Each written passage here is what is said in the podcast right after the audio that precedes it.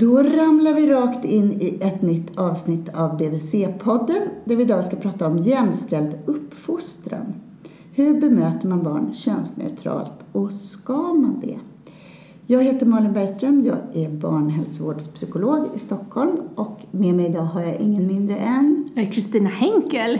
Och var kommer du ifrån Kristina? Eh, jag driver ett företag som heter Olika och vi jobbar för barns rättigheter och för jämställdhet och för att skapa mångfald genom bland annat att ge ut barnböcker och vuxenböcker men också genom att utbilda jättemycket kring de här frågorna. Och vem utbildar ni då? Vi möter jättemycket förskolepedagoger, de som jobbar i lära, lärare i skolan. Eh, men vi träffar också de som jobbar inom barnhälsovården och utbildar dem. Hur kan vi möta ja, föräldrar och hur kan vi tänka kring det här med barn och jämställdhet? Du har gett ut en bok, Kristina. Har du skrivit den själv eller tillsammans jag med någon? Jag har skrivit två stycken böcker. En mm. har jag skrivit själv som är ett metodmaterial för förskolan och skolan. Men sen har jag skrivit en bok som heter Ge ditt barn 100 möjligheter istället för två. Och den har jag skrivit tillsammans med Marie Tomesik som är min kollega. Och den handlar just om alla de här alltså genusfällorna, alla olika situationer där vi möter barn ojämställt. Och varför, vad, vad är bakgrunden till att ni skrev den boken? Alltså bakgrunden är att vi har ju båda två jobbat väldigt länge med de här frågorna och sett liksom att de allra flesta tycker så här, men jämställdhet är jätteviktigt. Vi har nästan något konsensus på det, att alla tycker att det är självklart att det ska vara jämställt. Men sen så ser vi ändå att när det kommer till praktiska förändring så händer det inte så jättemycket. Och då tänkte vi så här, ja men om vi kan göra en kokbok, så den är verkligen skrivet så här, det här är genusfällan, alltså situationen där vi bemöter barn olika beroende på om de är tjejer eller killar. Så här kan du göra istället, alltså väldigt så praktiska tips. Eh, för det som vi har sett som är så himla häftigt är att om vi ändrar lite grann bara i vårt bemötande och förhållningssätt så påverkar det barnen så oerhört mycket. Kan du berätta om något sånt exempel?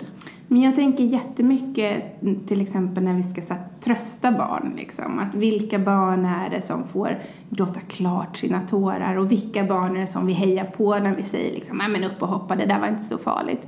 Alltså allt sånt där påverkar oss. Men också hur vi pratar med barnen om lek och deras leksaker. Liksom.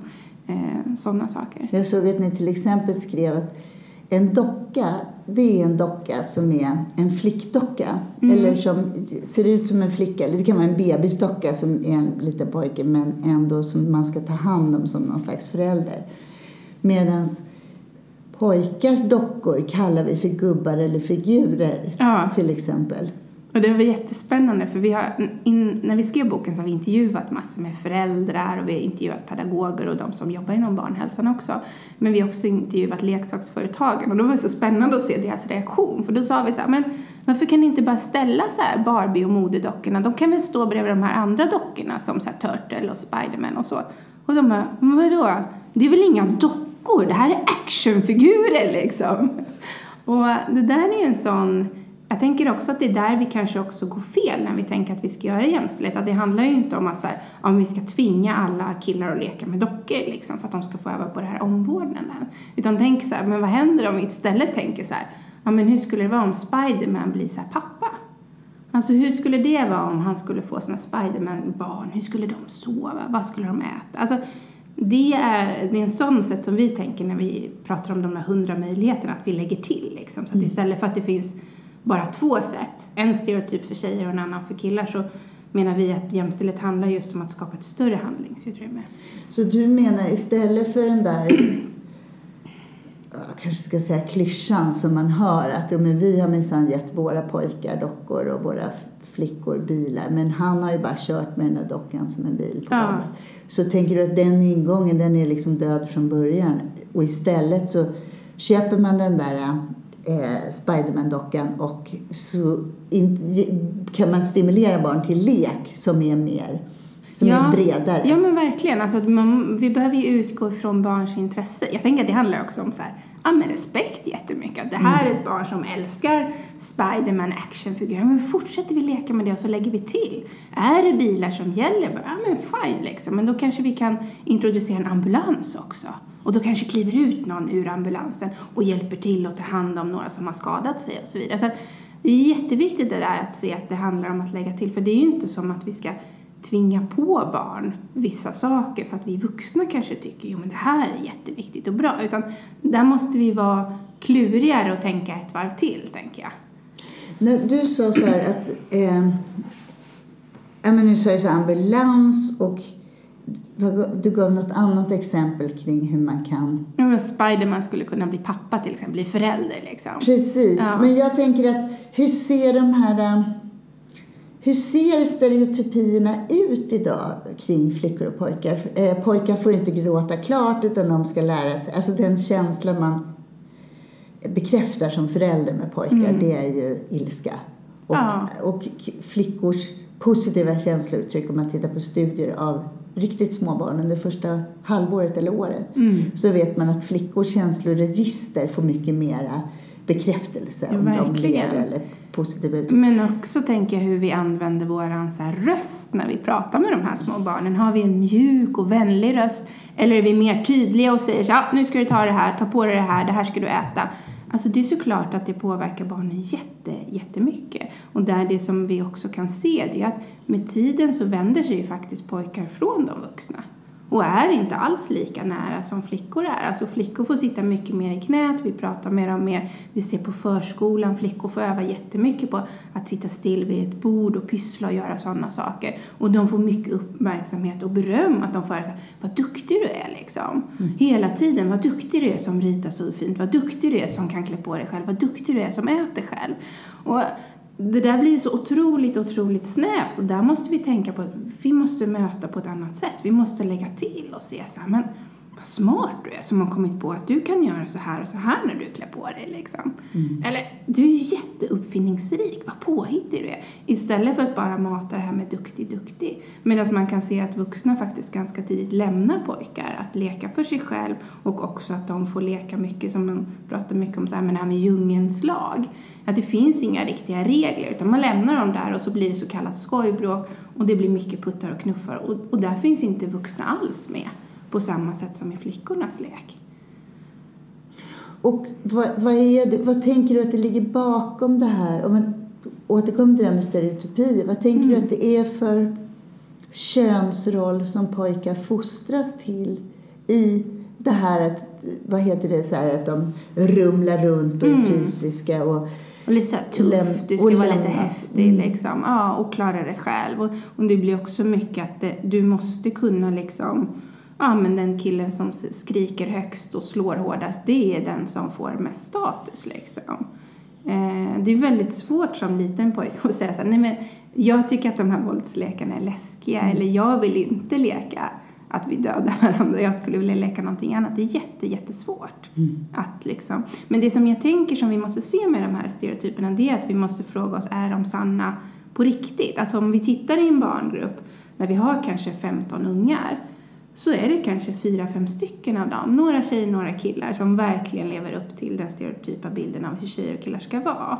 Men den större majoriteten, det vill säga tio ungar, de är på ett annat sätt. Så det är också det här som är liksom med stereotyper och normer, att det är inte representativt för hur vi är som människor. Men de har väldigt liksom stark genomslagskraft för att du får status när du lever upp till dem. Jag brukar jämföra med vuxna. Alltså om man tittar på så här eh, hur är idealbilden för hur en kvinna ska vara? Jo, men hon ska vara så vacker, hon ska vara sexig, hon ska vara bra på att laga mat, hon ska gärna hämta sina barn tidigt på förskolan, hon ska tycka om att baka, hon ska ha ett vackert hem, allt det där. Och så tittar vi runt omkring oss och ställer oss frågan, okej, okay, men hur många kvinnor känner jag som är det här? Jag känner en kvinna som är jättebra på att baka. Jag känner en kvinna som är supervacker, jättesnygg. Jag känner en annan kvinna, hon är jättesexig. Och så vet jag en till och hon är jättebra. Hon är värsta den här supermamman och hon hämtar sina barn klockan tre på förskolan varje dag. Men det här är ju liksom fem olika personer, det är inte samma person. Och det där måste vi liksom se igenom med de här idealbilderna som också är en form av liksom skapa stress i våra liv. Tänk att försöka leva upp till det här hela tiden. Och de idealen finns, då tänker du dem som könade ideal som blir en extra belastning. Och att belastningen på mig som kvinna jämfört med en man i min position i mitt liv.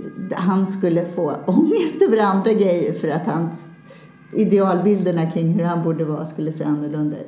Ja, Det vill säga han skulle kunna hämta sina ungar senare på förskolan och jag skulle...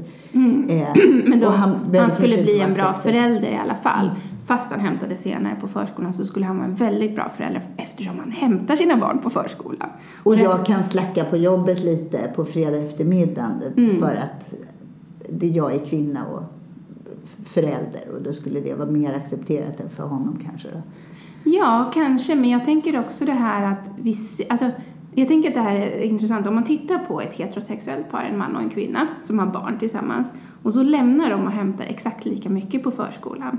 Då är det jättemånga som tänker om den här pappan så här, wow, han är en sån duktig pappa. Han tar så himla mycket hand om sina barn. Men den här mamman, hon bara jobbar hela, hela tiden. Fast de delar exakt lika. Och det handlar ju om att vi är så ovana vid det. För det är inte så som det ser ut. I de allra flesta fallen så är det mammorna som drar ett större lass och hämtar oftare. Så då när någon gör jämställt och delar exakt lika, då tänker vi så här, ja det är ju orättvist. Och det skulle då kunna drabba en kvinna menar du? Och en man också såklart. För det som gör det är ju också att, att pappor inte tillåts vara lika viktiga föräldrar som barnen. Alltså det är ju fortfarande så att det är jättemånga som kontaktar mamman om det finns en mamma först istället för pappan. Det är jättemånga brev från myndigheter. De går ut till mamman istället för till pappan. Alltså, det är så mycket det där fortfarande i Sverige att vi tänker att mamman är den viktigaste föräldern. Och det är jättetaskigt. Och det, Det är ju- taskigt mot barnet men också mot föräldrarna såklart. Men det tycker jag att jag ser inom barnhälsovården också. Att Mm. vi, när vi jobbar med att vi jag ska till exempel ha enskilt föräldrasamtal till båda föräldrarna i samma utsträckning. Mm. Då känns inte det naturligt utan då känns det som att gud, nu får vi mycket mer att göra om vi ska behöva prata med pappor också. Ja. Alltså det kan både finnas en lust men också, ja man upptäcker att det finns en ovana. Där jag tänker Ja. att vi ändå spelar en väldigt stor roll som bekräftare av att föräldrar är viktiga i sitt föräldraskap och så vidare från början. Verkligen. Jag tänker på, eh, när vi pratar om stereotypier och pratar om alltså vad fällorna är eller vad som är vem som är vinnare eller förlorare i en sån här könad barntillvaro så tänker jag på, på pojkar som jag kan bli orolig över. Mm. Dels det du sa om att förskolan ofta är befolkad av kvinnor och senare även i skolan vilket kanske gör att de dels lättare vänder sig till mammor men också att det är en kvinnovärld med kvinnliga normer eh, kring pyssel. Jag tänker mina söner har till exempel gått på en förskola med manlig personal där pysslet var att man gjorde AIK-märken och satte på bandyklubborna. Liksom. Mm. Det ser man ju sällan annars när det är pyssel på en förskola utan det är mer Jag- och sen så ja. tänker jag också så här, att, jag menar mansrollen, den- traditionella om man tänker en sån här lumberjack som är bra på att bära tunga stockar och eh, kan ro långt eller skjuta djur i skog. Alltså den mansrollen kommer man inte så himla långt med i dagens samhälle. Det är inte egenskaper som premieras och att man är tyst och kan bita ihop om sina känslor och så här. Och så vi på BVC, vi när vi har tittat på vårt fyraårsbesök så har vi sett att det går fler remisser på pojkar än på flickor. Alltså, kanske vi har ett barnhälsovårdsprogram som identifierar mer svårigheter hos pojkar än hos flickor, vilket får en ju att tänka i grunden för det här verkligen jämställt. Och vi vet, jag tänker också att skolan är premierar flickegenskaper som du säger man har fått träna på i förskolan att man sitter Mm. så här, man får vuxenstöd. Ja. Så jag tänker så här, hur tänker du kring Jag, jag, pojkar tänk, och alltså män? jag, jag så? tänker så här att det är ju så att jämställdhet har ju det har ju varit ett projekt för kvinnor och för tjejer. Alltså det har handlat jättemycket om att kvinnor måste få lika rättigheter som män. Men där vi står idag så ser vi jättemycket att det här är också ett projekt. Det är någonting som måste handla om killar och män. För vi kommer inte komma vidare. Och där tänker jag att vi liksom jag, som, som jag ser det så är det vuxenvärlden lämnar ju verkligen killar i sticket. Ehm, och det, alltså, det är ju också man kan se på till exempel betygen i skolan. Att killar har sämre betyg i alla ämnen om man jämför med gruppen tjejer. Utom gymnastik har de bättre ämnen, liksom betyg i. Och, och det där tänker jag att det måste vi börja lyfta men också att vi måste börja ge, ge utrymme för till exempel fysisk aktivitet. Alltså det är ju superviktigt. Jag tänker det är jättemånga barn som koncentrationssvårigheter där man ser så ja men om du tar en promenad till skolan så kommer du kunna koncentrera dig mycket bättre på första lektionen. Alltså, vi behöver, jag tänker att där behöver vi tänka om och se lärande. Att vi lär oss, alla barn lär sig mycket bättre om vi får röra på oss. Men alla barn lär sig också mycket bättre om vi tar snällt på varandra. Det som händer när vi slår, när vi knuffar varandra, det är att vi blir stressade. Då är det svårare att lära sig saker. Så där tänker jag att det är jättemycket att vi verkligen behöver bredda. Vad, vad ska förskolan och skolan vara för någonting? Vad ska Men- det ge utrymme för? Men när du säger så Kristina så tänker jag på våran läroplan som är Ja. så Ah, jag vet inte, när jag läser den så blir jag alltid glad. Ja. Jag tycker att den känns så bra. För Ja. Jag tycker att vi i Sverige är mer medvetna om det här än många andra länder. Vad är det då som hindrar oss från att verkligen de facto implementera? För det du säger låter så vettigt. Tänk Ja. dels fysisk aktivitet vet vi att unga behöver.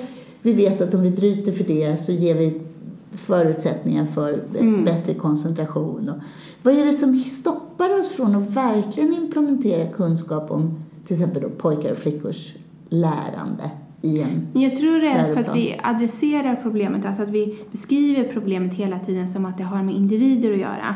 Alltså jag tänker att det är så här, om då pekar man ut så här, men det är den här pojken som har de här problemen, eller den här tjejen har det här problemen. Och jag tänker att vi har en sån syn på barn, att vi ska möta alla barn som individer och det gör att vi har svårt att se de här normerna som finns i vår kultur.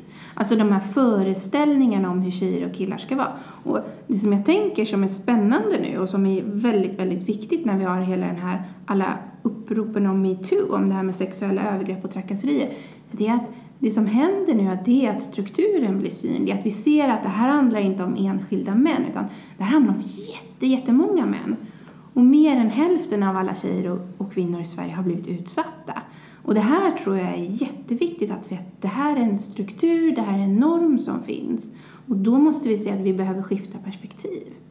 Tror du att metoo kommer ha konsekvenser på sikt? Eller tror du att det är en våg som... Nej, jag är övertygad om att det kommer ha konsekvenser. Och det är det som är så spännande, för nu kommer vi inte kunna gå tillbaka och säga så här, ja ah, men det är den här killen som är taskig, det är, det är de här killarna som har dålig attityd. Utan nu kommer vi se så här, okej, det här är liksom ett kulturellt beteende som vi har i Sverige och det handlar om mansnormen. Så jag, jag tycker att det är fantastiskt. Jag ser att nu äntligen kommer vi faktiskt komma vidare i jämställdhetsarbetet. Om jag som personal på BVC eller som förälder, om jag vill ge mitt barn hundra möjligheter istället för två. Ja. Hur ska jag... Vad är viktigast, tror du, eller vet du? Är det hur jag och min barnens pappa fördelar till exempel föräldraledighet, fördelar sysslor i hemmet, eh, vem som befolkar barndomsvärlden i skola och förskola, om det är kvinnor eller män och hur vi gör? Eller är det viktigaste hur vi bemöter barn? Det viktigaste är hur vi bemöter. Alltså representation är jätteviktigt. Självklart så spelar det roll om man ser massor med pappor som går runt med barnvagn. Men jag tänker det här i, som man tittar på i förskolan att ja, det jobbar mycket kvinnor där men det är mycket bättre att det jobbar en pedagog som har koll och genuskompetens än att vi slänger in en man där som faktiskt inte har det. Så att jag tänker att det här bemötandet är jätte, jätteviktigt för det, då visar vi också barnen att det är möjligt att vara på olika sätt och det hänger inte ihop med om jag är kvinna eller man. Så du tänker att det är nästa generation vi verkligen kan förändra på något sätt? Nej, alltså nej, jag tänker att eh, vi självklart så Eh, nej, jag, nej, jag tänker absolut att vi kan liksom förändra oss själva som vuxna. Men det är oftast ganska svårt att, att förändra andra människor. Alltså vi kan förändra oss själv och där kan vi också, för jag tänker lite så här att om vi möter barn jämställt så rustar vi dem med det här och då kommer de sen kunna ifrågasätta ojämställdhet.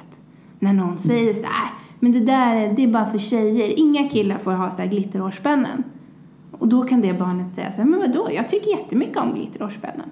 Och så är det inte mer med det. Så att det här handlar också om att, att ge barn strategier för att hantera när folk faktiskt är taskiga mot dem och går över gränsen. och allt det. Så det handlar ju om också att bygga den här tryggheten och självkänslan hos barn. Att ju äldre du liksom blir, desto mer situationer kommer det vara att det är ingen vuxen finns med och kan hjälpa. Då behöver du ha det här tydligt. Att det här är liksom, nej, så där kan inte du säga mot mig, till mig för det är taskigt liksom. Det där vet jag att jag pratade med några småbarnsföräldrar i USA om. Att Ja. i Sverige så har ju småpojkar eh, nagellack. Ja, Det är ju helt legio här idag. Och jag vet att där de bodde så var det inte det. Det var liksom så här, ja. ja, det var liksom Ja. en könsmarkör på något sätt. ja. Och där tänker jag att det där är ju så himla viktigt att se. Det är självklart att det spelar roll. Och tänk liksom när vi har, den dagen när vi har världen, en värld där liksom vuxna män har på sig nagellack för att de tycker att det är fint och för att det är kul. Mikael Dahlén, Ja, en professor på Handelshögskolan. precis. Han har gjort en grej av sitt Ja, svarta nagellack. ja, och det är såklart att det händer någonting i oss då. Och det som jag tycker som vi ska komma ihåg med det här också, det är att när vi förändrar och när vi får ett större handlingsutrymme, det blir mycket roligare. Alltså som människa att leva i en sån värld. För att det är öppnare och Det mindre öppnar begränsat. ja, och det är inte så snävt och vi behöver inte hålla på och passa på varandra och rätta människor för att de gör så kallade fel och är på fel sätt. Det blir mycket, mycket snällare. Snällare, det är bra. Ja, det, är, det är viktigt med snällhet, tänker jag verkligen faktiskt. Men det är faktiskt fint. Du, jag vet att du, du vill hellre prata om hållbart föräldraskap än jämställt föräldraskap. Mm, ja, men faktiskt, för att jag tänker, jag tänker att se det ur, liksom, ur barnets perspektiv. Så tänker jag att för ett barn, det allra, allra viktigaste, det är att få föräldrar, eller en förälder, som faktiskt håller hela vägen genom deras liv. Och jag tänker att dels det här med de här väldigt snäva rollerna, att, att pappor inte alls förväntas ta samma ansvar. Jag, jag tänker om vi skulle möta en pappa som en förälder istället, alltså om vi bara tänker föräldrar istället för de här könsrollerna, så skulle vi kunna skapa ett långsiktigt hållbart liksom, föräldraskap. För Jag tänker också att det är väldigt, väldigt slitigt att leva ojämställt. Det tär på relationen. Det är jättemånga heterosexuella par som separerar till exempel när barnen är jätte, jättesmå. Och där tänker jag att en stor nyckel i det, det är ju om vi skulle ha ett hållbart föräldraskap där alla är lika viktiga föräldrar och lika mycket värda. Mm, men det skulle också lägga... Det kanske skulle ge pappor mer då generellt, men det skulle också lägga större ansvar eftersom kvinnor, mammor i Sverige fortfarande tar större ansvar för barn. Verkligen. Ja, ja, alltså, ja, man ska ju inte bara säga så här, det här är en present som du som pappa får att bli förälder. Nej, det är ju jättetufft och kämpigt och jobbigt och allting att vara förälder. Sen får du ju massa kärlek tillbaka av ungen. Eh, men jag tänker att vi måste också se det att vi, vi kan inte ha den här orättvisan där det är vissa föräldrar som helt kör slut på sig själva för de gör allt. När jag jobbar med växelvis boende som är mitt forskningsområde så träffar jag mycket folk från olika länder. Och de Mm. som främst brukar dra i mig och oss i vår forskargrupp, det är pappor i andra länder. Mm. Som inte får vara vardagsföräldrar efter en separation utan tappar ett föräldraskap som känns helt självklart för dem. Så att det är mitt intryck att det är pappor som driver här i andra länder mer Mm. än att mammor, i alla fall när det gäller separationer, driver liksom jämställdhetsfrågan. Och det kan jag tycka är som kvinna i Sverige så kan jag tycka att det är intressant. För jag tänker att vårt föräldraskap är så mycket att vi tycker att det är naturligt att, Mm. att man delar och att det faktiskt Ja. är skönt. Liksom. Men inte att vi förlorar någonting. Men det har ju förstås att göra med att vi ofta har ett yrkesliv och så vidare. På ett annat sätt än kvinnor har i andra länder. Ja, och samtidigt så tänker jag också att det där är lite en, en chimär med det jämställda Sverige. Liksom. Jag tänker att kvinnor arbetar, yrkesarbetar, absolut, men de förväntas fortfarande ta ett väldigt stort lass av det obetalda Mm. liksom, hemarbetet och sådär.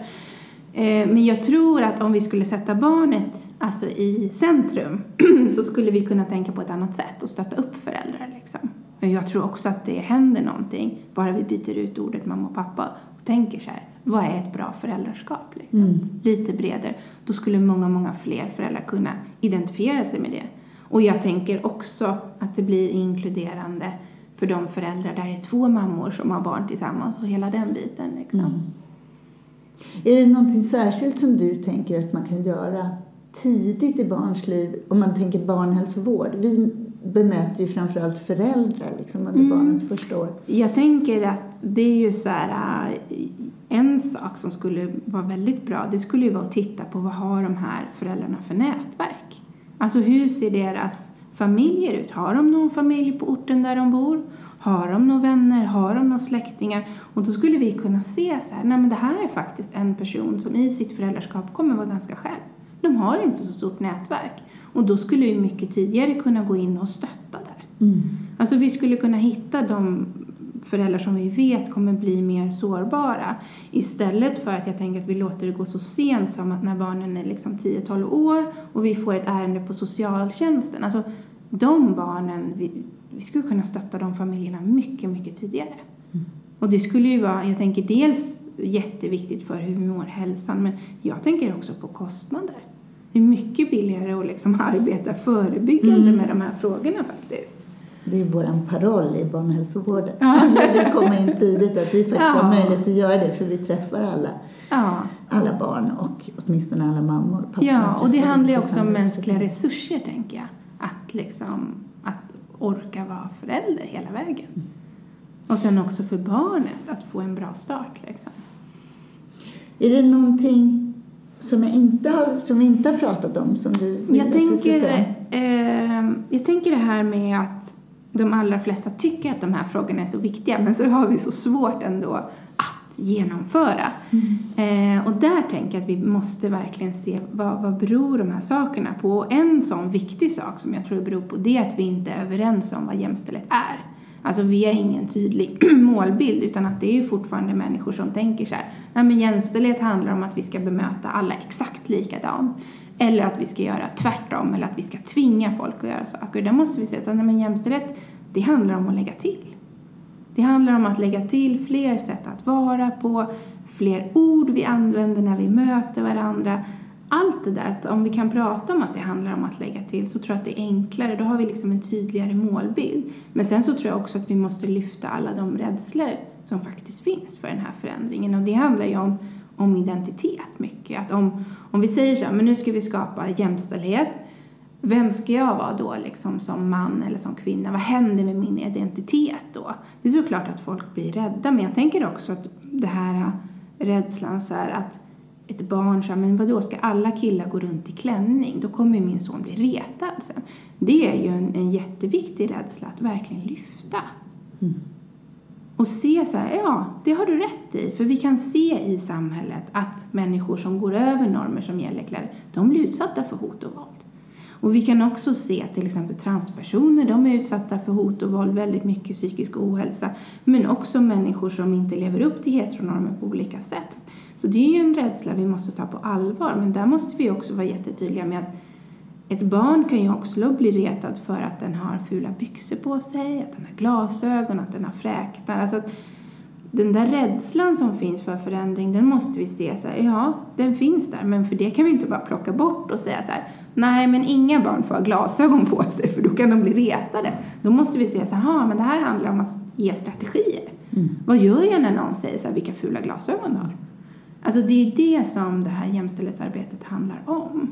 Men det låter som att vad vi ska göra inom barnhälsovården eller vad man ska göra som förälder det är att man först behöver medvetandegöra vad jämställdhet är och vad det är vi vill Ja. då som du säger lägga till. Jag tror det. Och sen det, agera på det. Jätte, jätteviktigt är det. Tack för att du kom hit och träffade mig idag Kristina. Ja, tack för att jag fick komma. Vi ses igen. Nu ramlar vi ut från den här podden. Tack!